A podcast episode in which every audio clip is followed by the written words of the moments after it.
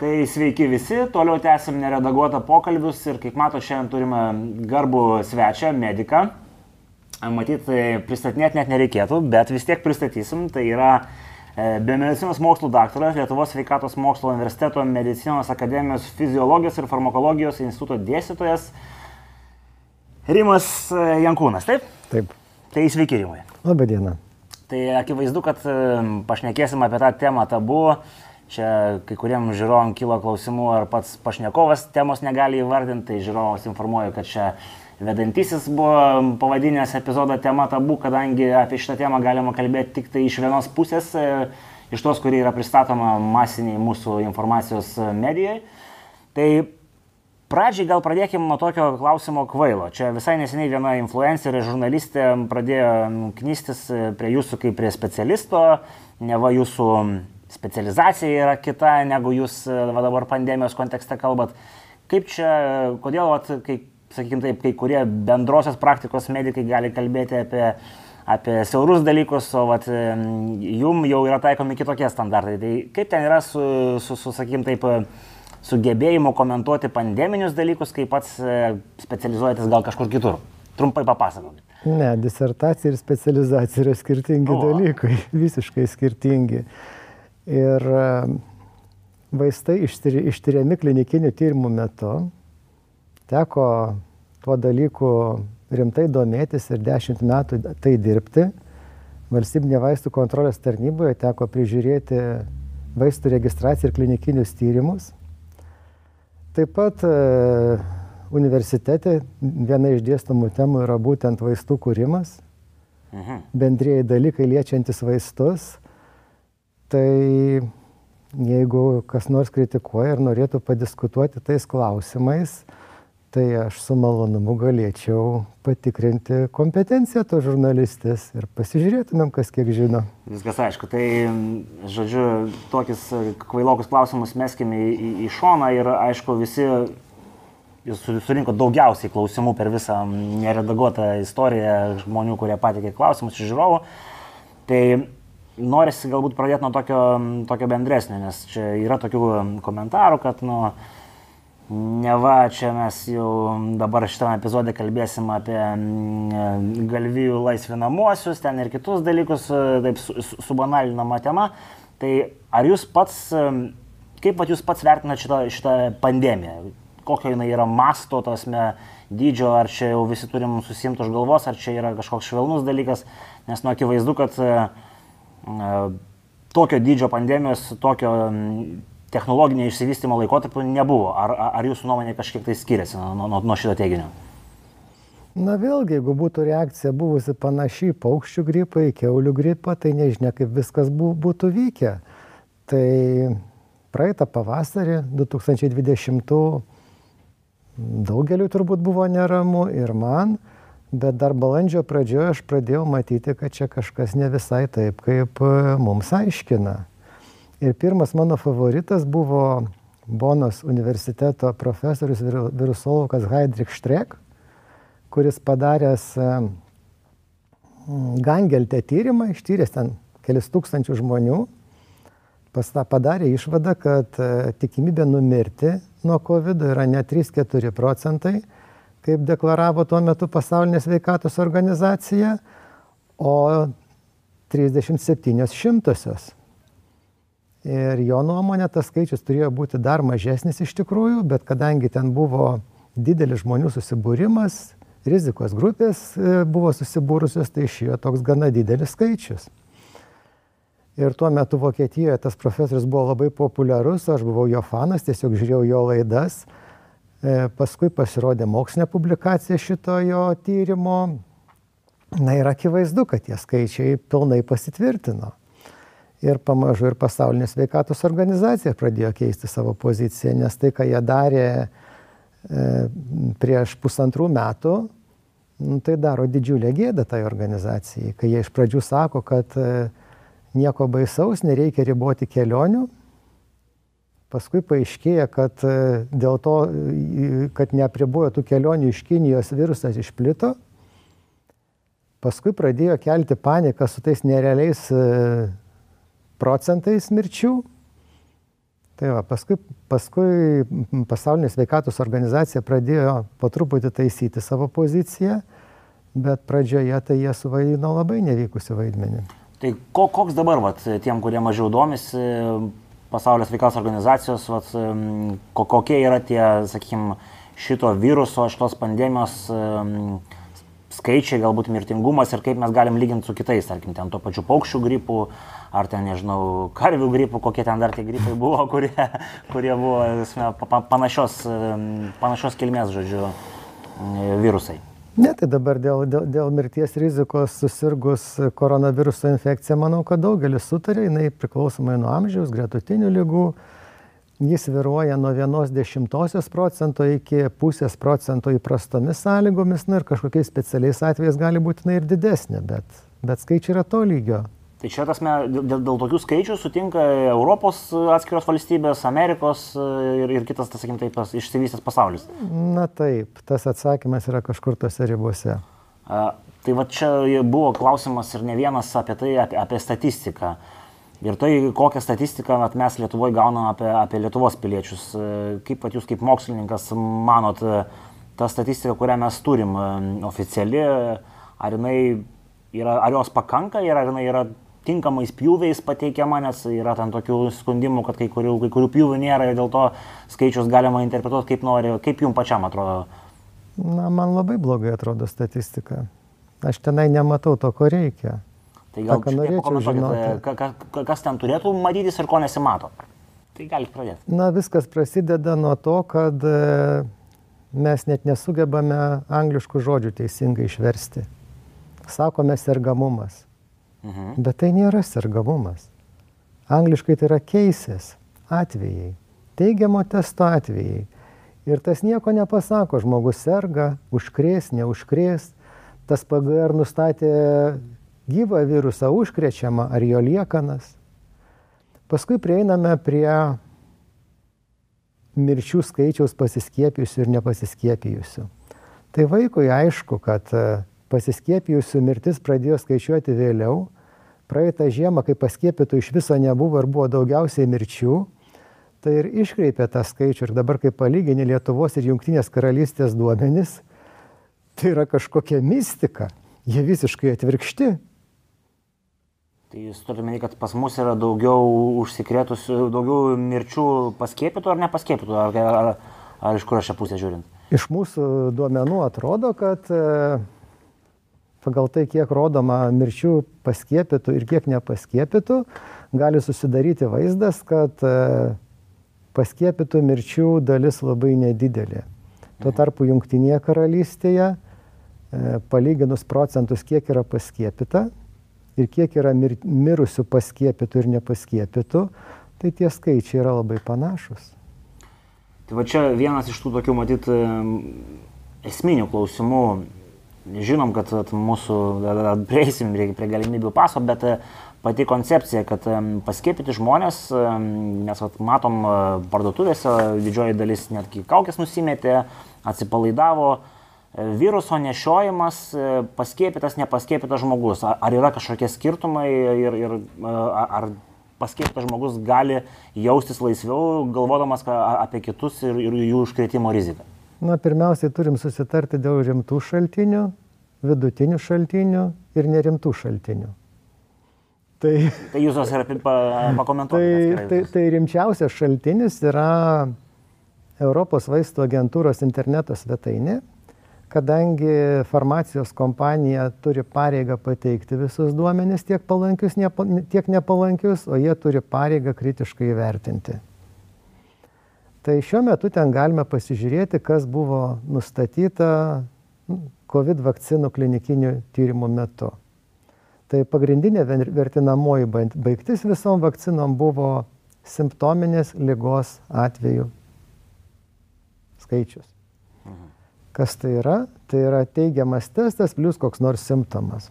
Karščiavimas, gerklės skausmas, netgi pykinimas arba vėmimas, viduriavimas. Pakilusi temperatūra, dusulys, kosulys arba tų simptomų derinys reiškia, štai yra atvejai. užkrėtimo rizikos niekas netyrė. Tai realiai mes tokių duomenų neturim apie užkretimą. Aukščiausio lygio vertingiausi duomenys, to tenai to tikrai nėra. Toliau sakau, kad yra vidutiniai įrodymai. Na, visokie tokie poregistraciniai tyrimai, visokios mokslinės publikacijos, būna ir labai, la, la, labai solidžių, bet tai vis tiek nėra tas patikimumo lygis, kaip yra registracijos byloje ir Europos vaistų agentūros tinklalapyje. Iš tiesų teko matyti labai rimtų publikacijų, kad e, vakcinos mažina riziką apkrėsti natūralių virusų. Tos publikacijos yra na, kelių mėnesių, pusmečio senumo.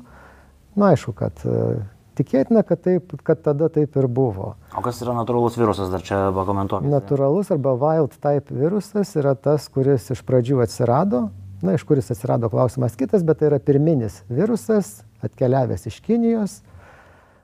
Tai va, Paskui atsirado britiška arba alfa atmaina, kuri labiau plito, paskui ten tos raidės pasipylė, dabar daugelie šalių vyrauja delta, o skiepas sukurtas prieš alfa. Nu, atsiprašau, prieš natūralų virusą. Na, alfa panašu, kad jis veikia panašiai, čia nedaug, nedaug sumaišiau.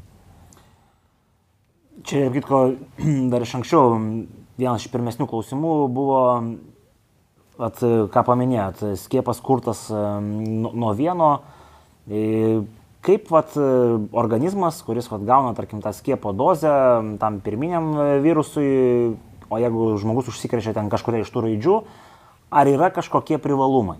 Asme, nes e, teko girdėti, kad ten baltymą atpažįsta, ten kitą, jūs pakomentuokit, kas, kas ten vyksta, žodžiu.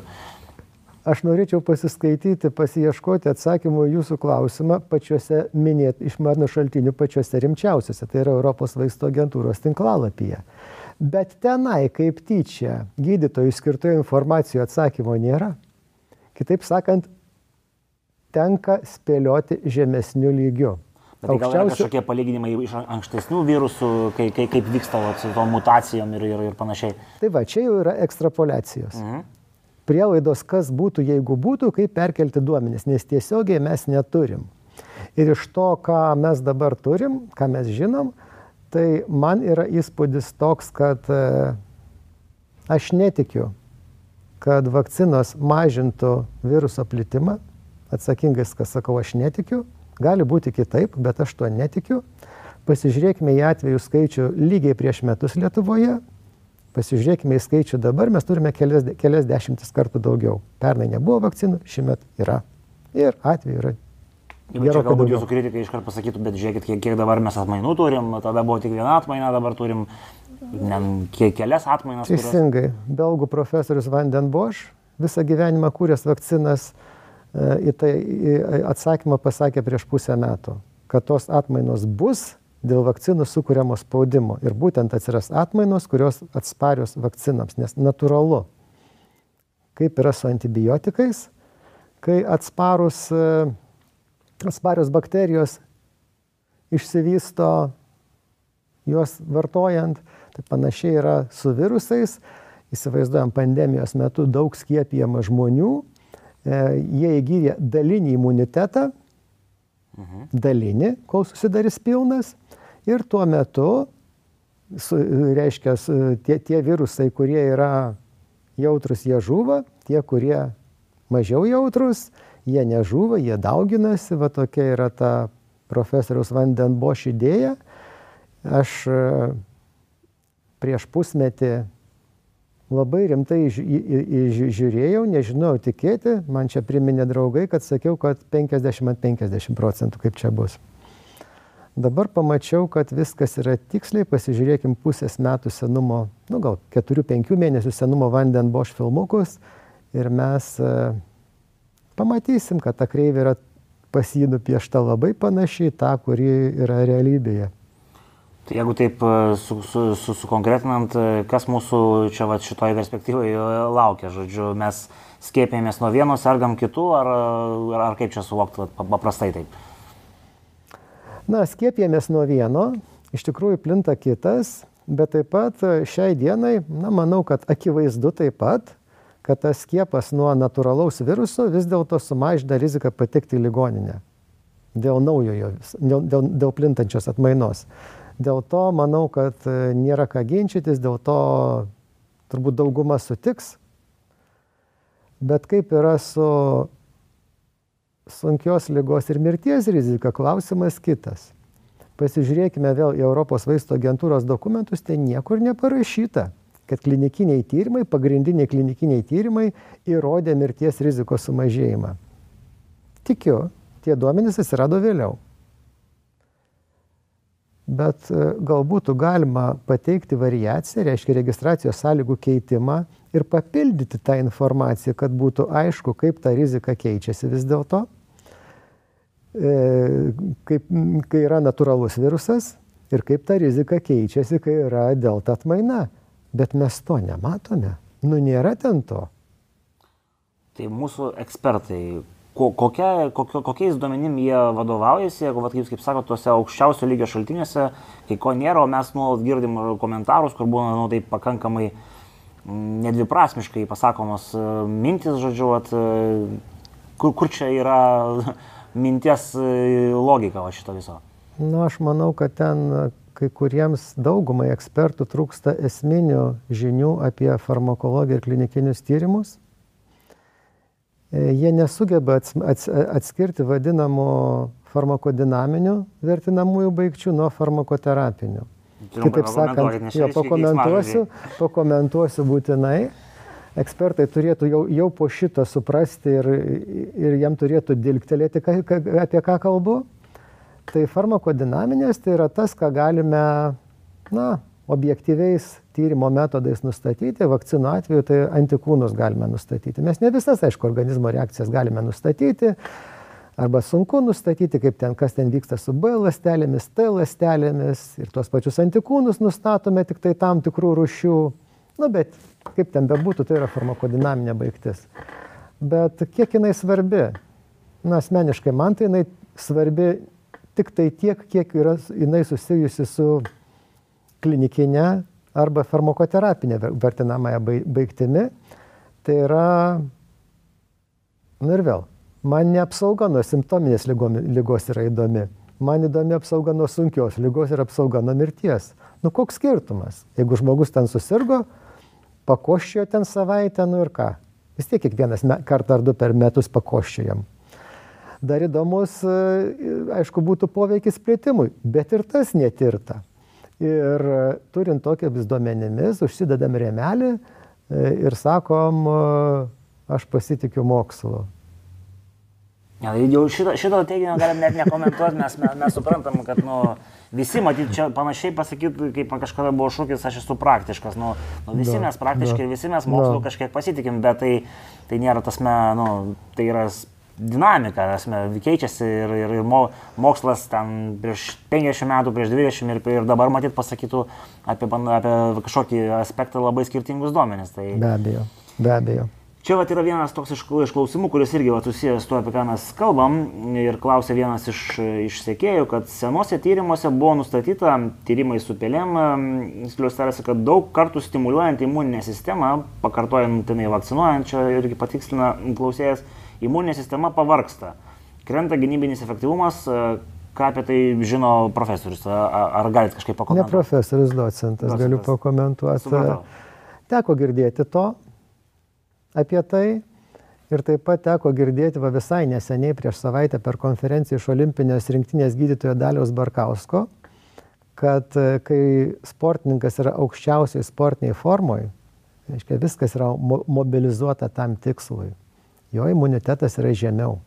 Tai jeigu mes visą imuninę sistemą atitinkamai nutaikome tam tikram tikslui, tai čia nu, paprastas dalykas, nu, žmogus negali būti viskam visada pasiruošęs. Tam tikslui jis aišku pasiruošęs geriau, kitiems matyt, kad ne, tai aš pilnai sutinku su šitu klausimu. Kiek tai turi reikšmės? Manau, kad e, jau artimiausią pusmetį pamatysime. Čia, kai suprantu, prognozė ne, ne, nedžiugint turėtų tai, tai, ką jūs prognozuojat, ką, kai iš to, ką pamatysim. Aš truputį bijau garsiai sakyti, ką galvoju, nes, nes kad neatrodyčiau kartais kaip koks nors e, ekspertas, kuris e, apsirinka dešimt kartų prognozuodamas atvejų skaičių. Čia, ok, tai palikim pro prognozes prognostikam. Dar vienas iš tos, iš tos pačios serijos klausimas, bet šiek tiek apie, apie kitką. E, šios pandemijos metu nekreipiamas dėmesys į principą, kad skiepijama pasibaigus pandeminiam plitimui, nes skiepijant pandemijos metu daugėja viruso atmainų, mutacijų tame tarpe galimai ir atsparių vakcinai. Kaip manote, ar nesusiklostys taip, kad dabar naudojami skiepai vieno dviejų metų laikotarpiu bus neefektyvūs ir dėl idealių sąlygų mutacijoms galima susidurti su korona grupės virusu, kurių plitimas bus dar spartesnis, o mirtingumas užsikrėtus didesnis? Gali tai būti. Gali tai būti, aš manau, kad e, praeitą žiemą situacija buvo paaiškinama ir suprantama. Aš pilnai suprantu ir palaikau Europos komisijos sprendimą įregistruoti vakcinas negavus pilnų duomenų, nes tada jos tikrai buvo reikalingos rizikos grupėms ir tikrai esu tikras, kad nors tiesioginių įrodymų nebuvo klinikinių tyrimų metu, bet esu tikras, kad mirčių skaičių gerokai sumažino. Viskas ten buvo logiška, viskas gerai ir kol neprieina masinės vakcinacijos, tai viskas yra kartojosi suprantama iki kovo mėnesio. Mhm. Kovo mėnesį aš pradėjau galvoti, nu gerai, viskas čia taip, o kaip, kokia prasme galvoti apie skiepijimąsi, bet vėlgi, dabar virusų sumažės, Rūdienį galvoju, gal ateis kitas variantas, sukurs kaip ir gripui kitą vakciną. Aš net nesusapnavau, kad variantas ateis kitas, o vakcina bus ta pati.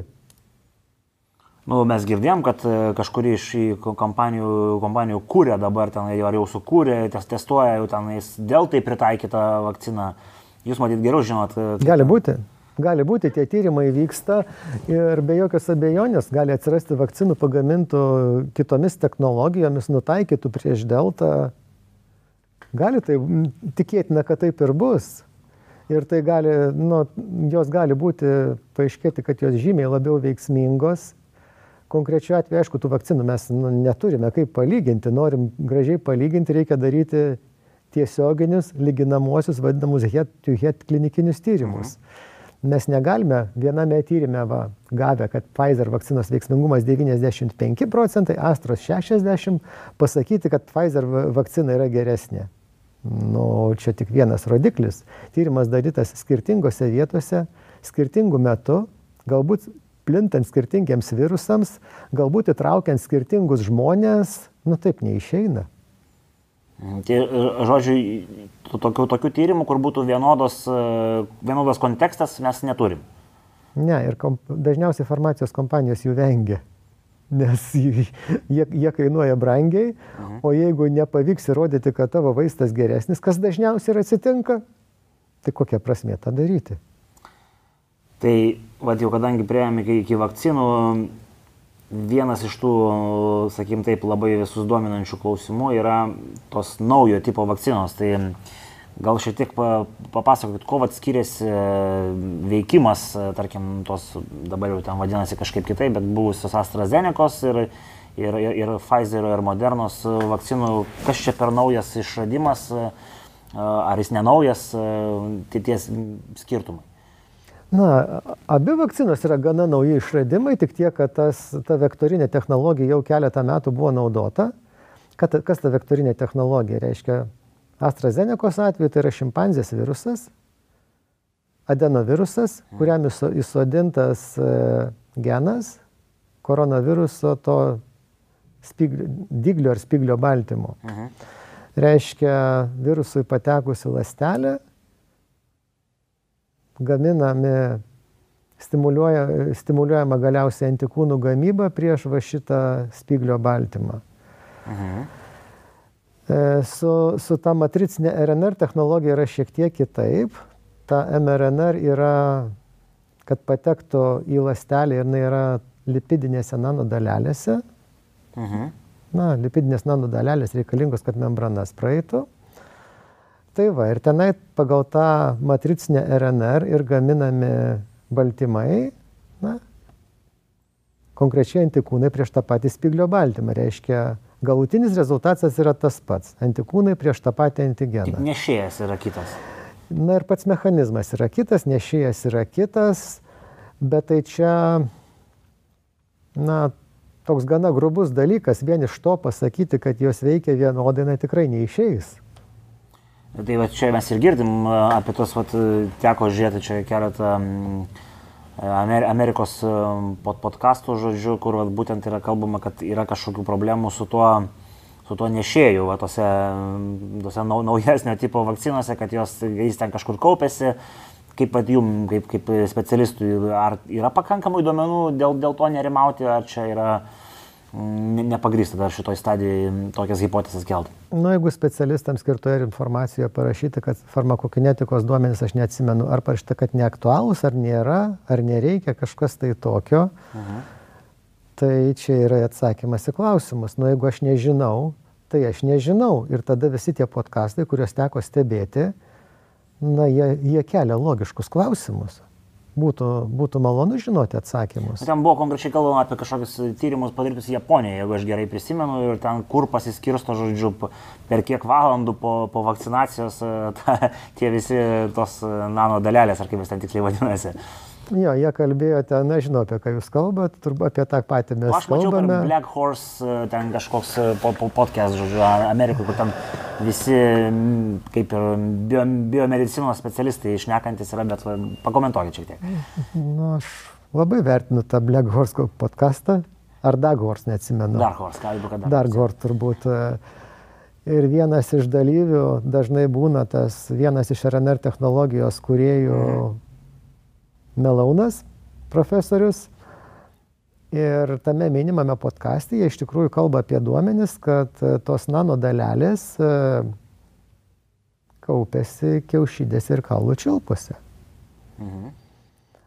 Aišku, nemačius šaltinių duomenų labai sunku apie tai daryti išvadas, bet e, akivaizdu, kad ai čia nanodalelės kaupiasi, O kas tos dalelės, dar galbūt šiek tiek pakomentuokit. Kas Na, mažytės, mažy, mažyčiai, ma, ma, mažyčias lipidų dalelės, kurios skirtos tam, kad e, patektų RNR į, į ląsteles. Naudojamos tokie, tokie dalykai buvo tos, tos pačios e, nano dalelės lipidų, ar čia visiškai naujas pritaikymo būdas kažkoksai? Naudojamos, bet e, nano dalelės tai nereikia jų įsivaizduoti kaip dėžutės.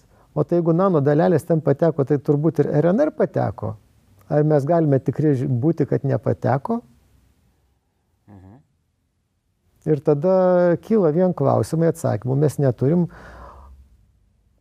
ir negreitai turėsim, tuo labiau, kad klinikinis tyrimas, pagrindinis trečios fazės klinikinis tyrimas, jeigu kalbėti apie Pfizer vakciną, baigsis maždaug po dviejų metų. Jie turi pateikti ataskaitą Europos vaistų agentūrai 2023 gruodį.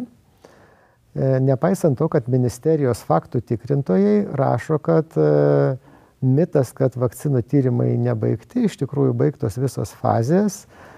Na, šiuo atveju mitas yra teisingas, nebaigti, o faktų tikrintojai nesugeba atsiversti Europos vaisto agentūros tinklalapį ir pasižiūrėti, kaip ten yra su tais tyrimais. Tačiau dar noriu paklausti tokį šiek tiek tikslinamą dalyką. E, jeigu va, žiūrint istoriškai, tasme, kiek laiko va, kažkokios va, jau dabar žinomos vakcinos kiek laiko jos buvo tyriamos e, ir mes jau galėjom turėti kažkokius e, nu, patikimus duomenis? Čia geras vėl klausimas. Įprastai vaistų tyrimas trunka, e, tyrimai trunka nuo 9 iki 10 metų vaistų kūrimas. Vėlgi, mūsiški ekspertai aiškina, kad čia buvo greičiau, kadangi panaudota nauja mRNR technologija. Bet ekspertai taip pat turi suprasti, kad vaistų kūrimas tai ne tik molekulės kūrimas. Į vaistų kūrimą įeina klinikiniai tyrimai ir ilgalaikių duomenų mes negalime gauti anksčiau, negu jie atsiras, nepriklausomai nuo technologijos. O ar yra buvę taip istorijoje tokių faktų, kad kažkokią vakciną naudojam keletą metų, o po to ją tiesiog e, kaip netinkančią po kažkokių duomenų išėmė iš vartojimo ir sakė, kad nu, padarėm tyrimus klinikinius ilgalaikius, nenaudosim? Apie vaistus tai tokių, to, to, tokių pavyzdžių yra tikrai daug. Apie vakcinas šią akimirką nesugalvosiu, bet apie vaistus tai galim sočiai kalbėtis. Supratau, tai vadinasi, laukti e, visko galima. E, dar... Gal viskas gerai bus? Jo, tai aš. O gal ne? Aš, aš nebejoju, visi norim tikėtis, kad bus viskas gerai. Da, dar dėl klausimas yra dėl to e, spiglio baltymo. Čia irgi daug visokiausių spekulacijų yra. jum kaip specialistui, ka, ka, kas čia per baltymas, ar mes anksčiau su juo susidūrę esam, ar čia kažkoks naujas dalykas, kadangi tai yra viena iš tos vakcinos dėdamųjų dalių. Papasakokit šiek tiek. Tai kalbant apie koronavirusus, tai yra Na, jeigu tą koronavirusą turbūt daugelis matėme paveiksliukų, jis tarsi su spigliais turim, nu tai va, tas, spigly, tas spiglys sudarytas iš baltymų ir, ir tuo baltymu jisai prisikabina prie lastelės. Mhm. Tai susintezavus, na, tokį baltymą organizmui po skiepo, tas bal, antikūnai prieš tą baltymą koronavirusą aplimpa ir neleidžia jam patekti į lastelį. Idėja čia yra tokia. Tai čia nieko, nieko kažkokio fenomenalaus ar naujo. Tas, čia tas baltymas panašiai ir pas kitus virusus yra. Na, ar jis pas, yra kitoks pas, pas koronavirusą? Gal jisai yra kitoks pas kitus koronavirusus, bet tikrai yra ir tas koronavirusas, joks čia nestebuklas. Daugelį metų jie čia cirkuliuoja, sudaro kažkur iki 15 procentų visų peršalimų, tik tai tiek, kad jie nebuvo tokie nu, tokie pikti, išskyrus kelis atvejus. Prisimename tą pirm, SARS pirmąjį, taip pat MERS prisimename čia prieš kokius 15-20 metų, tai kurie, to, kurie taip ir neišplito. Ta pati grupė. Taip, jūs. taip. Kodėl man rašo SARS 2? Mhm. Todėl, kad pirmasis buvo, na, šiek tiek daugiau prieš 15 metų Azijoje. Mhm. Tai čia aišku, kiek tenka girdėti, atsakymų vienareikšmiško nėra, bet vat, dėl pačios kilmės šito viruso, jum kaip mokslininkui besidominčiam, kaip jum atrodo, čia kažkaip tai išsivystė gamtoje ir mes gavom dovaną iš gamtos, ar čia mūsų tasme, moksliniai pasiekimai tasme, patyrė tam tikrą fiasko ir mes čia turim, žodžiu, Ši, ši, ši, ši. Nežinau, nežinau, čia sunku spėlioti, bet man per daug sutapimų reiktų ir jeigu rem, remiantis tomis žiniomis, ką aš turiu, reikėtų spėti, mhm. na kaip krepšinį, galiu spėti apsirikti.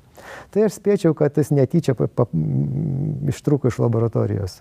Bet tai vat, O kokiem tikslam yra tai, tai daroma? Ar čia mes e, per tokius tyrimus e, vakcinas, vaistus kūrėm, ar čia dar kažkokie tokių laboratorijų tikslai yra? Na, aišku, ne, tik, tikiu, kad nebuvo piktų tikslų. Nu, nu norisi tikėti. Bet e, detalių gal aš čia per mažai turiu informacijos, kad galėčiau komentuoti. Supratau. Tai vienas dar iš tų tokių klausimų, kurį vat, jau ir pačioj pradžioj minėjau, yra, kalb, yra gydimas, yra prevencinis gydimas vakcinos, ar net gydimo nepavadinsi ir yra vaistai. Ar mes turim kažkokių pasaulyje vaistų, kurie e, kovoja e, efektyviai, žodžiu, su šito, šito virusu, ar, ar jų iki šiol nėra ir visi tie mitai ten, kuriuos mes girdim iš už Atlanto daugmaž yra nieko nepagristi. Na vėl, yra profilaktika, yra gydimas, ar ne? Mhm. Vakcinos yra irgi vaistai, medžiagos, kurios skirtos žmogaus lygų profilaktikai, tiekiamos tuo tikslu, jos, jos yra vaistai. E, ar yra kitų vaistų? Vėlgi, žiūrime aukščiausio lygio šaltinius, tenai nerandam. Tenai tikrai veiksmingų vaistų nerasim. Čia nei, nei Europoje, nei Amerikoje. Ta, ta prasme, kalbant taip apie registruotus vaistus oficialių solidžių institucijų. Kalbant apie kitus šaltinius, na, tarsi būtų jų, bet vėlgi, kaip man su vakcinom, asmeniškai man duomenų akivaizdžiai per mažai, kad patikėčiau, taip ir apie tuos kitus vaistus, nu, man per mažai, kad patikėčiau. Vėlgi, nepasakiau, kad nėra vaistų nuo, registruotų nuo koronaviruso infekcijos. Yra, bet jų veiksmingumas yra labai ribotas. Tasme, tai vadinasi, kad nu čia kaip placebas, ar čia šiek tiek daug stipriau negu... Ne, ne, ne, sti stipriau, stipriau, aišku, kad stipriau, bet, bet su visokiausiam diskusijom yra monokloniniai antikūnai, reiškia, antikūnai jau kalbėti, jie tiesiog nutaikyti prieš e, virusą. Išgeria ir jau gauni antikūnų. Suleidžia. Suleidžia, suleidžia neišgeria jo. Yra toks remdeziviras e, prieš virusinis vaistas, kuris uh, vieno tyrimo duomenimis sutrumpino hospitalizacijos trukmę, bet ten klausimų daugiau negu atsakymų, kodėl Europos vaisto agentūra mano, kad, tas, kad vaistas tinkamas, o pasaulinė sveikatos organizacija mano kitaip. Tai va, ir, yra... nu, ir dar yra tas, kurį minėjau, žodžiu, kur, kur buvo naudojamas, ar, ar vis dar yra naudojamas galvijam ten varyti kažkokias, žodžiu, lervas, bet tenka girdėti už Atlanto, jį naudoja ko, ko, koronos gydimui. Ką, ką jums teko girdėti apie, apie tokį dalyką? Aš labai norėčiau pamatyti platų randomizuotą tyrimą su aiškiom vertinamosiom e, baigtim apie tą vaistą. Nes tikrai yra daug informacijos ir, ir nebejoju, kad ta hipotezė tikrai yra labai verta gyventi, kad tai gali būti geras vaistas. O ta hipotezė bet, kokia yra, kokia jinai iškelta yra? Na, jūs pats sakote, ivermektinas galėtų būti tinkamas vaistas e, koronaviruso infekcijoje gydyti. Nu, aš prieš tai esu girdėjęs ir, ir, ir skaitęs ir matęs už, už Atlanto, netgi žmonių yra, kurie išbandė ir nemasako, kad va, kažkas suveikė. Bet, nu, ne, kad kažkas suveikė, tai žinot. Nesuprasi, dėl ko suveikė. Bet e, hipotezė be jokios abejonės turi teisę gyventi, ji turi būti išsiaiškinta, bet kaip ten yra, yra per daug klausimų su vaistu reikia tiksliai nustatyti dozę, reikia tiksliai nustatyti, kokioje lygos stadijoje jisai skirtinas, kokioms populiacijoms yra skirtinas, panašiai kaip su vakcinoms. Ištyrė greitai, užregistravo saliginai tam, kad padėti seniems žmonėms ir paskui pradėjo skiepyti absoliučiai nei temą. Tai turėjo būti kažkaip kitaip tie skiepai dozuojami tik tai tam tikrom grupėm, pasak jūsų. Na tai jeigu mes visas pasižiūrime tą patį Europos vaisto agentūros svetainę, aš tai norėčiau matyti atskirus duomenys įvairios amžiaus grupėms mhm. ir kaip apsaugo įvairias amžiaus grupės nuo sunkios lygos ir mirties. Tai mane įtikintų.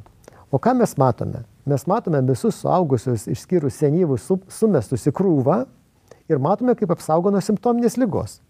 Nu manęs tai neįtikina. Aš tikiu mokslu, bet, bet man reikia duomenų, kuriuos aš noriu matyti, o ne tuos, ką, ką, ką man čia ponos imkiša. Ir jų tasme Europoje nėra pateikta jokia forma, čia ne tik Lietuvoje. Ko, ko?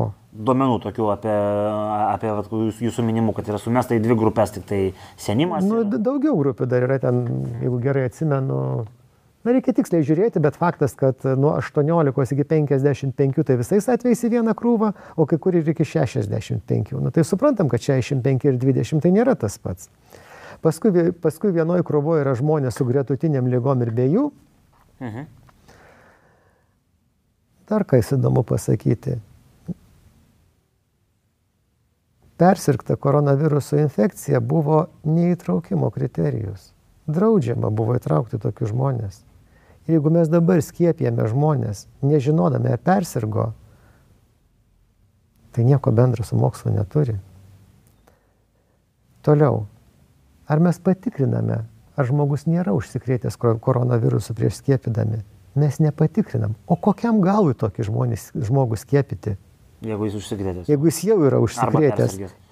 Arba persirgęs. Bet gal, bet gal jeigu jis persirgęs prieš savaitę arba prieš du mėnesius ar pusę metų yra skirtumas? Sunku pasakyti. Matyt, kad yra, bet, e, tai, bet, bet pakankamai daug duomenų jau rodo, kad e, persirgus imunitetas yra gerokai patikimesnis negu pasiskiepijus. Na nieko nuostabaus. Gyvirusas turi daugiau baltymų, ne vieną tą spiglio baltymą. O čia viena, vienoje vietoje virusas pakito ir viskas, ir nebėra apsaugos. O tenai, o kad pakistų daug vietų, nu vis tiek virusui sunkiau. Ir kadangi vis tiek spaudimą daugiausiai sudaro vakcinos, Tai nieko nuostabaus. Tai čia, jeigu aš teisingai suprantu, jeigu persirgi kažkuria viena iš tų raidžių, tai tu turi kitom raidėm imuniteto daugiau negu paskėpytas vat, nuo to pirminio, pirminio viruso, kuris, žodžiu, kur tu, kaip sakote, apsaugotas esi tik tai nuo vieno baltymo. Nesu to visiškai tikras ir perskaičiau. Iš pradžių išgirdau mm, tokį neįtikėtiną, atrodė iš pradžių profesoriaus Kuldorfo Harvardo universiteto epidemiologo teiginį, kad e, natūralus imunitetas susidaręs persirgus nuo koronaviruso infekcijos apsaugo, nuo simptominės koronaviruso infekcijos apsaugo 27 kartus patikimiau. pradėjau ieškoti, iš kur atsirado. Mhm. Nugi ir radau. Maccabi Healthcare Services tyrimas, kuriame, į kurį buvo įtraukta 2,5 milijono žmonių. Na, tą ir parodė. Čia jau atliktas visai nesenų laikotarpį. Taip, taip, taip. Tai žodžiu, bet apie tokius dalykus mes e, kažkodėl tai negirdim e, mūsų žiniasklaidoje. Kaip manot, ar čia tokie duomenys žmonėm suteiktų platesnį žinojimą, ar juos visiškai atbaidytų nuo, nuo, nuo, nuo skėpimuose, kur va čia yra tas šaknis, e, pateikti kažkaip tai viešoje erdvėje mažai duomenų arba juos tik tai, tik tai vat, kažkaip tendencingai. Tu jie paskui stebisi, kodėl žmonės nepasitikė. Tai dar vienas iš tų dalykų, kur, kur, kur sakykime, žmonės, kurie nesiskėpija, mm, dažnai apie tai masto, šalutiniai efektai. Kaip jums kaip mokslininkui atrodo šalutiniai efektai su, su šitais, e, šitom vakcinom? Ar, ar čia jos proporcija kažkokia yra normos ribose, ar mes turim daugiau šalutinių efektų, negu, negu normaliai galėtume tikėtis iš, iš vakcinų, kokia situacija? na, tokio masinio vartojimo kitų vakcinų Nebuvo. nelabai ir buvo, kad tokia didelė populacijos dalis būtų paskiepita per tokį saliginai trumpą laiką. Tai bet kai kurie skaičiai yra akivaizdžiai gazdinantis. Pasižiūrėjau Europinės e, perteklinių mirčių duomenų bazės informaciją ir e, matosi, kad akivaizdu, kad pernai perteklinių mirčių, tai yra mirčių per tam tikrą laikotarpį, einamaisiais metais buvo daugiau kaip negu praeitų metų penkių vidurkis, na, pernai pandemija, viskas logiška, ne? Šįmet jų dar daugiau, nepaisant vakcinų atsiradimo. O gal ar nepaisant vakcinų atsiradimo, ar dėl vakcinų atsiradimo? Aš nieko neteigiu, aš klausiu. Bet čia tos perteklinės mirtis, tai čia jos yra būtent nuo, nuo, nuo šito viruso, ar čia kažkaip sumuojama kiti žodžių susirgymai? Absoliučiai viskas. Dėl, vis, dėl visų priežasčių. Sakykime, pernai numirė, grubiai sakant, Lietuvoje, ne, užpernai Lietuvoje nu, numirė apie 38 tūkstančius žmonių, pernai 43 tūkstančiai, va turim apie 5 tūkstančius, na aš suapvalinau, bet skaičiai yra mhm. tokie šimtus praleidau ir dešimtis, aišku. Tai va, perteklinės mirtis, jos nieko nesako apie priežastis. Ar tai užleistos lygos, ar tai koronavirusas. Bet užuot užleistos lygos paminėjot, labai realus dalykas, kai mes turėjom nuo sveikatos sistemos, sakykim, taip šoką tokį, kai... Be abejo, be abejo, čia prisideda. Ir paskui vėl mūsų elgesys aukščiausių institucijų. Kai jie pamatė, kad yra didelis tarpas tarp mirčių nuo koronaviruso ir bendro mirčių padidėjimo, tai jie įvedė antrą apibrėžimą su koronavirusu. Kaip ten buvo? E, kai, kaip koronavirusas, na, mintis buvo tokia, kad iš dalies prisidėjo, ne, viena iš lygų buvo koronaviruso infekcija. Ir net trečią apibrėžimą, kur, nu, tiesiog buvo teigiamas testas, Ir jie suskaičiavo, kad viską susumavus e, atitinka. Jie net skaičiavo skirtumą tarp, tarp bendro mirčių skaičiaus padidėjimo ir šit pagal tuos tris apibrėžimus suskaičiuoto ir matė, kad ten 80 kelios mirtis čia tik tai ne, dėl kitų priežasčių. Tai kai žmonės šitokius anegdotus daro, tai nu, kaip, kaip visu tuo tikėti? Bet nu, jie vis tiek turėjo kažkokį pagrindimą tiem visiems tom kategorijom, kurias sukūrė. Koks ten pagrindimas buvo, kaip jums atrodo, kaip mokslininkui tokio pagrindimo, nežinau, atlaikymas kritikos? Na tai vienas, viena kategorija yra logiška ir suprantama visame pasaulyje nuo koronaviruso. Aišku, galime ginčytis, kaip ten yra, nes pat anatominių tyrimų Lietuvoje nelabai ir daro jiems. Mhm. Antra, koronavirusas buvo gretutinė lyga prisidėjusi. Trečias, šiaip Buvo, neprisidėjo, a, bet vis tiek priskaičiuosim. Dar vat vieną dalyką, ką visai neseniai mačiau, nežinau, ar čia yra patikima statistika, bet matyti jums jum aiškiau bus, už Atlanto yra tokia statistika, kad e, gripo kaip tokio skaičiai yra gerokai sumažėję. Ar čia normalus dalykas, kai vyrauja kažkokia panaši, panašu, panašus virusas, kad mes kitų gripo rūšių neturim, Ar, ar čia dar kažkokius galima daryti išvadas iš, iš to, kur, kur, kur dingo gripas, e, taip jau būtiškai klausiant? Aš irgi norėčiau žinoti, aš irgi nežinau atsakymo. Bet, e, na, suprantama, pernai nieko nuostabaus, kai kontaktai buvo tiek, kad apriboti, tai natūralu, kad jisai, nu, nu turėjo jo sumažėti, o tai ir dinkti. Bet dabar, kadangi žmogui tik atsiranda kažkokie simptomai požymiai, tyriam dėl koronaviruso, dėl gripo netyriam, tai čia galėtų būti atsakymo dalis. Jeigu mes tirtumėm ir vieną, ir kitą, tai galbūt e, būtų atsakymas jūsų klausimą šiek tiek konkretesnis. O tai čia paklausiu tokį bišį iš šono klausimą, ar žmogus gali vienu metu sirgti dviem virusais? Pavyzdžiui, gripo ten kažkokia raidė ir koronos kažkokia raidė. Ar tai be, būna? be problemų. Be Kai pacientas sako, aš geriau mirsiu, negu sutiksiu operuotis. Daktaras atsako, viens kitam nemaišo. Tai čia irgi, žodžiu, kad vienu metu organizmas gali turėti kelis dalykus. Nors ir dešimt. Mes turim milijonus, milijardus bakterijų, milijardus virusų, su jais gyvenam ir, ir kalbamės ramiai. Nu, ne apie visus, apie koroną ramiai nekalba, apie koroną yra daug, daug, neramumų. Tai dar va čia yra toksai irgi įdomus terminas, kurį va klausia vienas iš šalutinių poveikių, vadinamasis šedingas. Teko girdėti, gal galite kažką pakomentuoti, kas čia per žvėris? Na, gal čia ne visai šalutinis poveikis, čia turbūt turėta minti e, viruso, viruso išskirimas. Tiesiog mhm. į aplinką Šalutinis reiškinys, čia nepoveikis, e, klausėjas klausė apie tokį šalutinį reiškinį. Gal čia turima, turima galvoje, kad uh, Nežinau, nežinau, ne, nežinau, nežinau giliai, kas čia turėtų galvoti. Patikslinta, ar tikrai vakcinuoti per e, odos kontaktą suvakcinuoja neskėpytus? Tai matai, čia kalbama yra apie kažkokį vakcinos e. Ai, supratau, supratau dabar mintį. Tai va, gamintojas, de, gamintojai deklaruoja, kad e, šita, ar tai virusas vektorinis, ar tai ta mRNA nesidaugina, bet yra įdomus dalykas. Vienas iš reikalavimų naujiems vaistams atsiradęs, na, nežinau, prieš 10-15 metų yra pavojaus aplinkoje vertinimas. Mhm. Tai šiuo atveju šitą atlikus būtų galima atsakyti konkrečiau, tiksliau į šitą jūsų klausimą. Nes, na, tikėtina, kad taip nėra.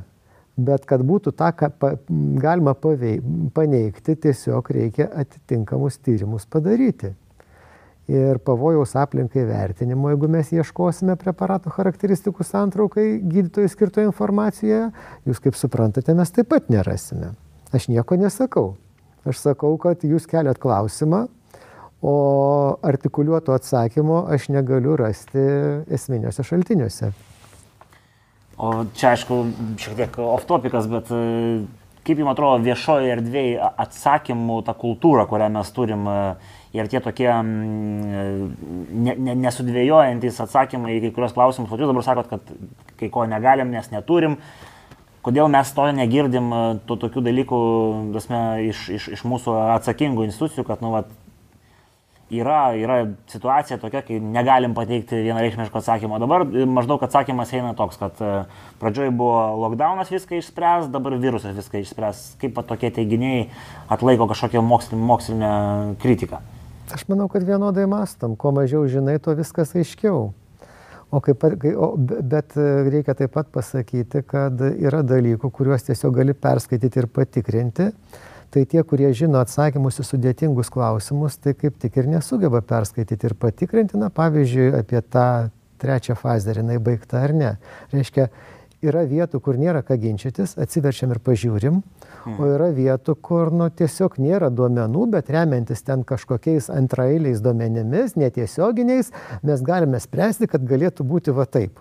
Ir jeigu kažkas nu, turi griežtą tikslų atsakymą, kaip jie, pavyzdžiui, dabar nustatė su savo tuo tyrimų pristatytų vyriausybės posėdį čia praeitą savaitę, tai buvo spa, e, rugsėjo vidurys, mhm. Kad e, vakcinos sumažina mirties riziką 20 procentų, tai čia, čia kažkokia mistika. Toks teiginys ir visi... neturi mokslinio pagrindimo. E, jis yra absurdiškas. Jis yra absurdiškas, drąsiai sakau. E, jie turėtų parodyti šaltinių duomenis, jie turėtų pradžioj bent publikuoti mokslinėme žurnale ir tada, jeigu tokie duomenys būtų, tai vakcinų registruotojai, gamintojai, jie strimgalviais nubėgtų į Europos vaistų agentūrą, juos pateiktų, kad jie tenai peržiūrėtų, tie duomenys atsirastų viešai ir tai, bu, ir tai visus nuramintų. Ten perskaitęs aš sakyčiau, wow, aš klydau, bet taip nebus. Nes taip tikrai nebus. Ne, ta, ta prasme, gal jie ten kažkokius duomenys ir turi, bet, bet įvertinus ir kai kurių kitų šalių duomenys, kurie yra, na, žymiai labiau patikimi, nu, niekaip taip negali būti. Niekaip. Tai va čia dar noriu paklausti, statistika, ta, kurią mes girdim Lietuvoje, nu, jinai pakankamai tokia baugi, mes e, esam prastoj situacijai Europoje, ten pas mus nerekomenduojama skristi ten greta tokių valstybių, kurios yra nu, toli nuo išsivystimo. Kaip jums atrodo, ar čia kiek objektyvų yra tokis, to, to, tokie teiginiai, ar mes čia turim kažkokį neišvysta statistikos e, rinkimo pateikimo situacija, nes, va, tarkim, sakot, yra, yra šalių, kur yra patikimesni duomenys. Kodėl pas mus nepatikimi? Na, pirmiausiai, tas negalima skristi, tai ne čia esmė iš tikrųjų. Jie žiūri tokį, nu vėl, į atvejų skaičių. Nu, koks skirtumas, koks tas atvejų skaičius realiai koronaviruso valdyme. Geriau pasižiūrėkime, kiek žmonių ligoniniai, koks yra mirčių perteklius, Nesakau mirčių nuo koronaviruso skaičius. A koks skirtumas, nuo ko žmogus mirė? Svarbus, kad jis gyventų. Bet mes kažkodėl visą laiką žiūrim, kiek mirė nuo koronaviruso. O kad mes kiekvieną mėnesį turim kelis šimtus aplamai mirčių perteklių. Čia kalba dėl to, kad neteikiamas paslaugos yra, ar, ar dėl ko? O čia jau sunku pasakyti, čia reikia nagrinėti. Čia reikia nagrinėti, galvoti, bet aš manau, kad tai yra susiję tiek su paslaugų sutrikdymu, tiek su stresu, nu, gal ir su vakcinų nepageidavimam reakcijom. Bet, nu, apie vakcinos nepageidavimas reakcijas yra tema, apie kurią negalima kalbėti. Ar čia tik Lietuvoje taip yra, ar čia bendra tendencija ir, ir kitos šalys, jūs kaip sakat, tos šaltinius Kaip yra, tarkim, kitose valstybėse? Na, apie visas negaliu šnekėti, bet Švedijoje, Norvegijoje ir Danijoje tikrai taip nėra, nes ten turiu pakankamai daug pažįstamų. Ir visada valstybės interesas buvo skatinti pranešimus apie nepageidavimas reakcijas mhm. valstybinė vaistų kontrolės tarnybai, kad jie suvestų juos į Europinę duomenų bazę, kad Europos vaistų agentūra apibendrintų ir apibendrinusi informaciją atitinkamai papildytų atsargumo priemonės, nuo to mes visi saugesni, taip yra su visais vaistais. Dabar visas tas pamiršta. Tas, kurias, kuriam pasireiškia nepageidama reakcija, viešai prakalbęs, tampa antivakseriu. Nu, jo, yra tas terminas labai vartojamas. Bet man tai yra, yra mistika. Man tai vakseris ar antivakseris, abu du tai yra tie žmonės, kurie nesupranta, kas yra mokslas. Jeigu tu sakai, aš jokių būdų nesiskiepysiu, arba aš būtinai skiepysiuos. Tai yra du kraštutinumai, abu vienodai neprotingi, o jeigu eiti prie sveikatos teisės instituto, tai mūsų tikslas yra atsistoti į vidurį ir pažiūrėti į mokslo duomenis, kokiais atvejais reikėtų skiepytis, o kokiais ne. Čia buvo toks klausimas, kaip jums sekasi kontaktuoti su valstybiniais kažkokiais kanalais, aš turiu kurie vat, irgi užsiema uh, visais šitais dalykais. Ar turit kažkokį kontaktą, nežinau, su da, ekspertų grupe, kuri čia pas mus Lietuvoje veikia, e, su sveikatos saugos ministerija, kaip sekasi ta komunikacija? Na, su ekspertų grupe kontaktas yra Facebook'e. Facebook. Mes taip pat juos e, kvietėme į konferenciją, mhm. labai kvietėme, siuntinėjome kvietimus visiems iš eilės, nei vienas neatėjo. Tačiau... Jūsų lokacija buvo tokia už, užslaptinta. Tai, bet tai reikėjo tik sutikti, tik užlaptinti. Tai kas, kas, tik tai, kas tik tai domėjosi, visi gavo nuorodas ir ta lokacija buvo nuostabi. Nu, gal, gal ekspertai tik tiesiog vaikšto, reikėjo daryti Vilniaus centre, tai būtų paprasčiau buvę. Nu, matot, taip jau sutapo tos datos, kad tas Vilnius uždarytas tuo metu tą dieną buvo. Mums čia taip nepasisekė ir norėjosi padaryti iki to nevykusio galimybių paso atsiradimo mhm. ir viskas susigrūdo į tą savaitgalį, anksčiau spėti niekaip neišėjo, tai aišku gaila, kad tos datos sutapo, bet išėjo kaip išėjo. Bet e, galvoju, kad vis tiek ekspertai, nu, na, turi kai kurie automobilius ir tai nebuvo pagrindinė priežastis, kaip ten bebūtų, jie sureagavo į savo, į mūsų spaudos konferencijos teiginius e, spaudoje. Mhm. A, jūs per trečiosius šaltinius bendraujate? Mes pabandėme atsakyti ir vėl kviesti į gyvą diskusiją. Na, aš su malonumu padiskutuočiau va čia apie, apie, apie, apie jūsų minimus klausimus, bet kuriuo iš ekspertų tarybos. O tai kaip yra, pavyzdžiui, mes turim e, ministeriją, mes turim parlamente irgi, žodžiu, sveikatos klausimus kūruojančias grupės, ar, ar yra kokie kontaktai su šitom institucijom? Dabar su ministerija. E, buvo kontaktas laidoje Lietuva kalba. Mhm. Vėlgi, žiniasklaida. Ir taip pat žinių radijoje. Ir abu kartus viceministrė aiškino, kad klinikinių tyrimų trečia fazė baigta. Tai mes išsiuntėme raštą, kuriame paprašėme pateikti šį teiginį patvirtinančius duomenis. Ir dar du kitus teiginius. Ir atsakymą gavote. Atsakymo Laukiame. Laukiate. Kada išsiuntėt, kiek jau laiko praėjo? Nu čia savaitę, dešimt, galvoju, galvoju kada, kada tos laidos čia buvo. Tai tada ir išsiuntėme. Čia panašiai, panašiai. No. tai esminis tada matyti akcentas į pabaigą pokalbio galimybių pasas. Ne visa Europa turi tokią sistemą, kai kurios Europos šalis turi. Kaip jums atrodo šita valdymo priemonė? Na, prieš tai turėjom e, uždarimus, e, irgi buvo klausimų, ar čia veiksminga ar neveiksminga. Dabar turim galimybių pasą. Žmonės su, su skiepu užėję į didelės parduotuvės, nusėma kaukės, jaučiasi atsipalaidavę. Neskėpyti eina į mažesnės parduotuvės, didesnio tankio. Kaip jums vat, visi šitie dalykai kaip, kaip mokslininkui? Nu ką, situacija bloga, reikia kažką daryti. Ka, bet kažką. Yra toks posakis, kad kai, jeigu tik kažką, tai geriau nieko.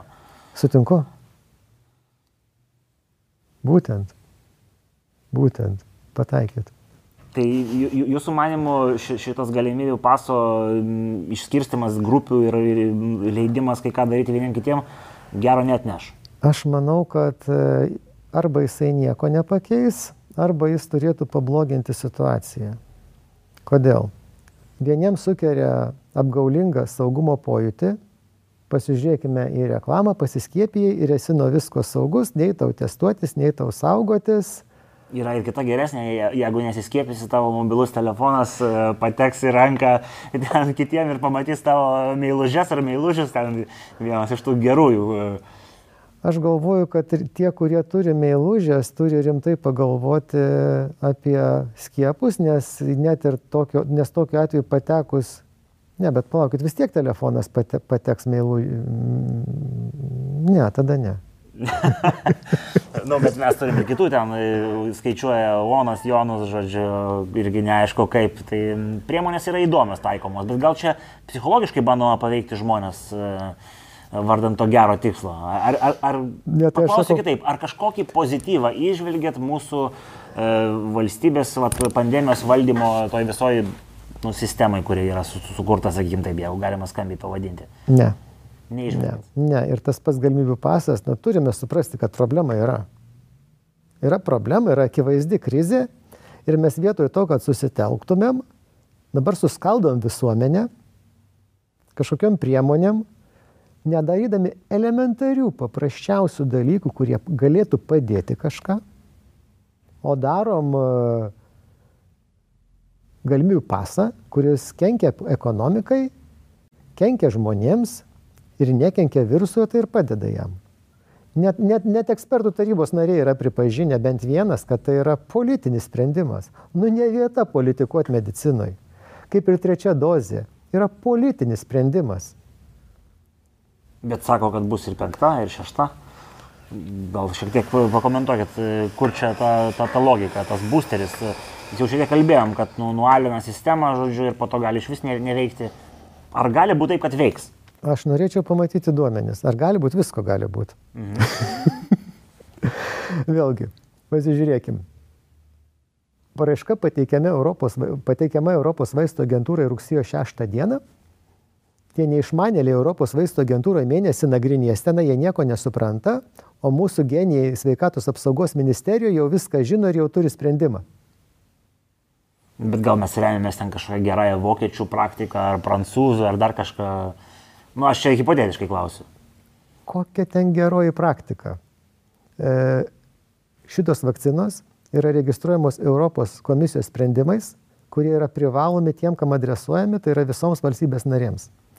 Jeigu komisijos sprendimo nėra, tai ta jų trečia dozė yra, na, neregistruota indikacija. Ta prasme, gydytojas e, gali savo asmeninę atsakomybę paskirti vaistą tam, kam jisai tinkamai neiš, neištirtas, bet, nu, būna tokiu atveju, kad, e, arba neužregistruotas, būna tokiu atveju, kai tai yra logiška, tikrai tai yra pateisinama reikalingas dalykas. O čia mes sugalvojame ministro sprendimu ar ministerijos, žinome jų. Bet jiegi modeliuoja pagal kitas, ar, ar kitur Europoje yra vat, kalbama apie trečią dozę, ar čia tik Lietuvoje kalbama yra? Kalbėti galima, mes irgi kalbame. Bet aš turiu, kai aš klausiu, kai, kai sakau, kad kalbama, ar kažkas jau praktikoje galvoja apie trečią dozę ir apie tai komunikuoja savo visuomenėm. Na, kiek žinau, Izraelis net, net ir daro. Taip. Bet jie turi, jie nepriklauso Sąjungai, jie turi savo registracijos sistemą ir ten sunkiau komentuoti. Bet man tai atrodo, kad kartais pirmiausiai važiuoja vežimas, paskui eina arklys. O jeigu pasakyti grubiau, tai ar gali priežastis eiti po pasiekmės? Nu, fliuksiniam pasaulyje gali. Gali realiam per laidotuvės nesėkmingas gydytojas paskui paciento karstą. Čia tokia jau viz, vizualizacija baugi. Taip. Taip. Tai pačiai pabaigai paklausiu, vat, vienas iš tokių drastiškų teiginių, iš kurio irgi tyčiojasi influenceriai Facebook'e, yra tai, kad institutas jūsų su kolegomis teiktas sako, kad reikėtų viską panaikinti, visas priemonės, kurios dabar yra taikomos ir, ir, ir kažkaip modeliuoti, tai ar yra kažkas teigiamo, ko, ko jūs nesiūlytumėt panaikinti? Na, Galimybių pasakai suprantu. Na, na, ne visai taip. Ne visai taip, kad viską yra tos e, priemonės, kurios nekelia abejonių, dėl Pavyzdžiui. kurių visi sutarėm ir jos akivaizdu, kad jos yra ir visoje Skandinavijoje ir jos turi likti. Pavyzdžiui, atstumas kaukės, kas ats, atstumas, ventiliacija. Ką padarėm dėl ventiliacijos per pusantrų metų? Jeigu virusas tikėtina plinta aerozoliu, tai vienas iš esminių dalykų, ką mes padarėm. Kai kurie, kai kurie verslininkai savo iniciatyvą padarė. Kas padaryta valstybės iniciatyva? Nu, mes žinom, kad valstybė viską, visą, viską pastatė ant skiepo, kaip sakoma, grubiai tarbant, kaip kokio ten kazino žodžiu. Visas statymas buvo ant skiepo. Nu ir, o jeigu paaiškės, kad ne ant to pastatė? Gal buvo galima padaryti keletą dalykų, reiškia, ką aš būčiau daręs prieš metus, kai, kai, kai, kai, kai nepilnus metus, kai, kai, kai užsidarėm uh, gruodį. Mhm. Aš būčiau pasakęs, kad atsidarimo sąlyga yra nustatyti, būt, būt, būtų atsiradę ventiliacijos reikalavimai ir, nu, ir jie būtų atsidarimo sąlyga buvę. Tegu jie atsidaro nors ir sausi, jeigu susitvarko. Iš kažkokių filtrų reikėjo, kažkokių dar kažko. E, yra specialistai, kurie tą gali padaryti. Aišku, ventiliacija tai nėra, nėra atidaryti langus, bet pavyzdžiui, operacinėse ligoninėse yra ištraukiamoji vadinama ventiliacija. Mhm. Nu, reiškia, tą orą, kuris su, su sukėlėjai, su bakterijomis. Jį išmeta. Jį tiesiog ištraukia jo ir, ir tą sutvarko. Čia, aišku, ne medicinos klausimas, bet technologijų, bet tas yra padaroma. Toliau žmonių skaičiaus patalpoje ribojimas, nu viskas aišku. Rankų plovimas, be abejo. Masinių renginių ribojimai, be abejo. Ribojimai, bet nedraudimai. Toliau susiskaičiuokime, kas darosi, kur yra vadinamas butelio kaklelis. Tuose pačiose ligoninėse, ai, vad, reanimacijoje tiek. Nu, bet pažiūrėkime amžiaus grupės. Pažiūrėkime, kiek tenai buvo, sakykime, tų pačių persirgusių. Nusurinkim duomenys, kiek buvo su gretutiniam lygom. Ir tada bus aišku, kaip dėliotis. Viską panaikinti. Taip, mes siūloma pradėti nuo balto lapo. Tam, kad nebūtų to, tos mišrainės, kur tenai meška galva nutrūktų. O toliau padarę esminius dalykus, mes jau turėsime geresnę viruso kontrolę, negu turime šiandien. Nes šiandien mes iš esmės nedarome nieko. Kaukės? Jokaujate. Bet irgi, čia apie kaukės ne, ne, nepaklausiu. Nu, mesgi matom Azijoje jau daug dešimtmečių visi nešioja ten kaukės, e, važinėja su metro, su kaukiam. Ar, kokią kaukę turi, ar turi kažkokių pliusų, kokių minusų? Kas, kas čia yra per sakykim, apsaugos priemonė? Ar Nu, negalim vadinti apsaugos Turi pliusų, vasarį Venecijoje būna kaukių O festivalis. jeigu be, be, be, be, be ironijos. Jeigu be ironijos, tai be abejo. Yra medicininės kaukės e, naudojamos operacijų metu. Yra mm, respiratoriai, kurie gali sumažinti, jeigu tinkamai dėvime, riziką užsikrėsti artimo ilgo kontakto metu.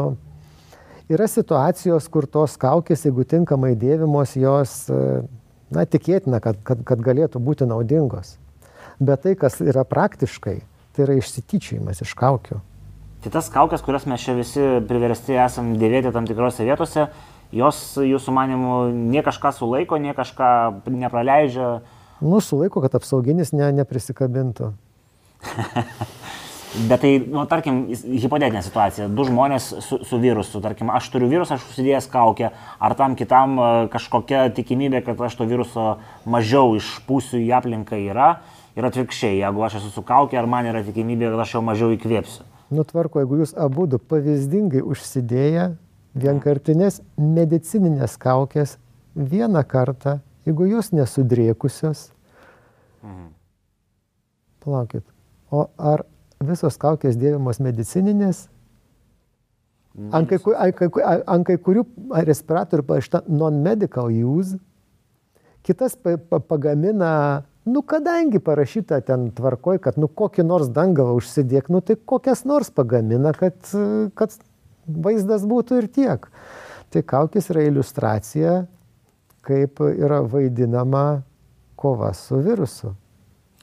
Gerai, tai pačiai pabaigai paklausiu tada eilinis žmogus, vat, e, ką gali padaryti, ka- kas vat, yra, tarkim, trys dalykai, kuriuos kiekvienas iš mūsų galim padaryti, kad e, e, sumažinti riziką užsikrėsti ir, ir užkrėsti kitus. Vengti gausių susibūrimų ankštose patalpose, Mhm. plautis rankas, Ir grūdintis lediniam vandenį, aš juokauju, aišku, mm, vėdinti.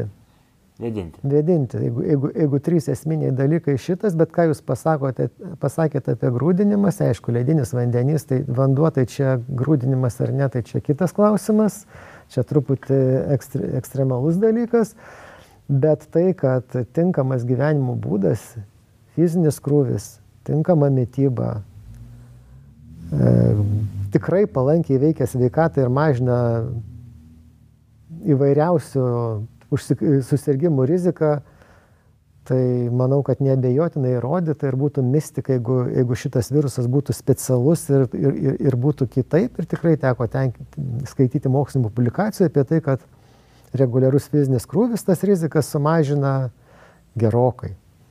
Ir čia jau iš patikimų šaltinių. Na, aišku, tai nėra Europos vaisto agentūra, bet tai ne jų darbas.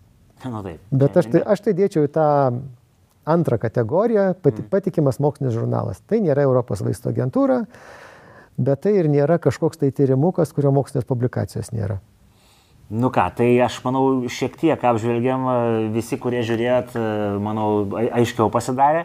Tai dėkui Jums, kad, e, kad atėjot, e, savo brangaus laiko visą valandą paukojot e, mūsų žiūrovom. Ir ką, dėkui visiems, kurie žiūrėjot, e, tikiuosi pasisėmėt informacijos. Ir ką, iki kitų kartų.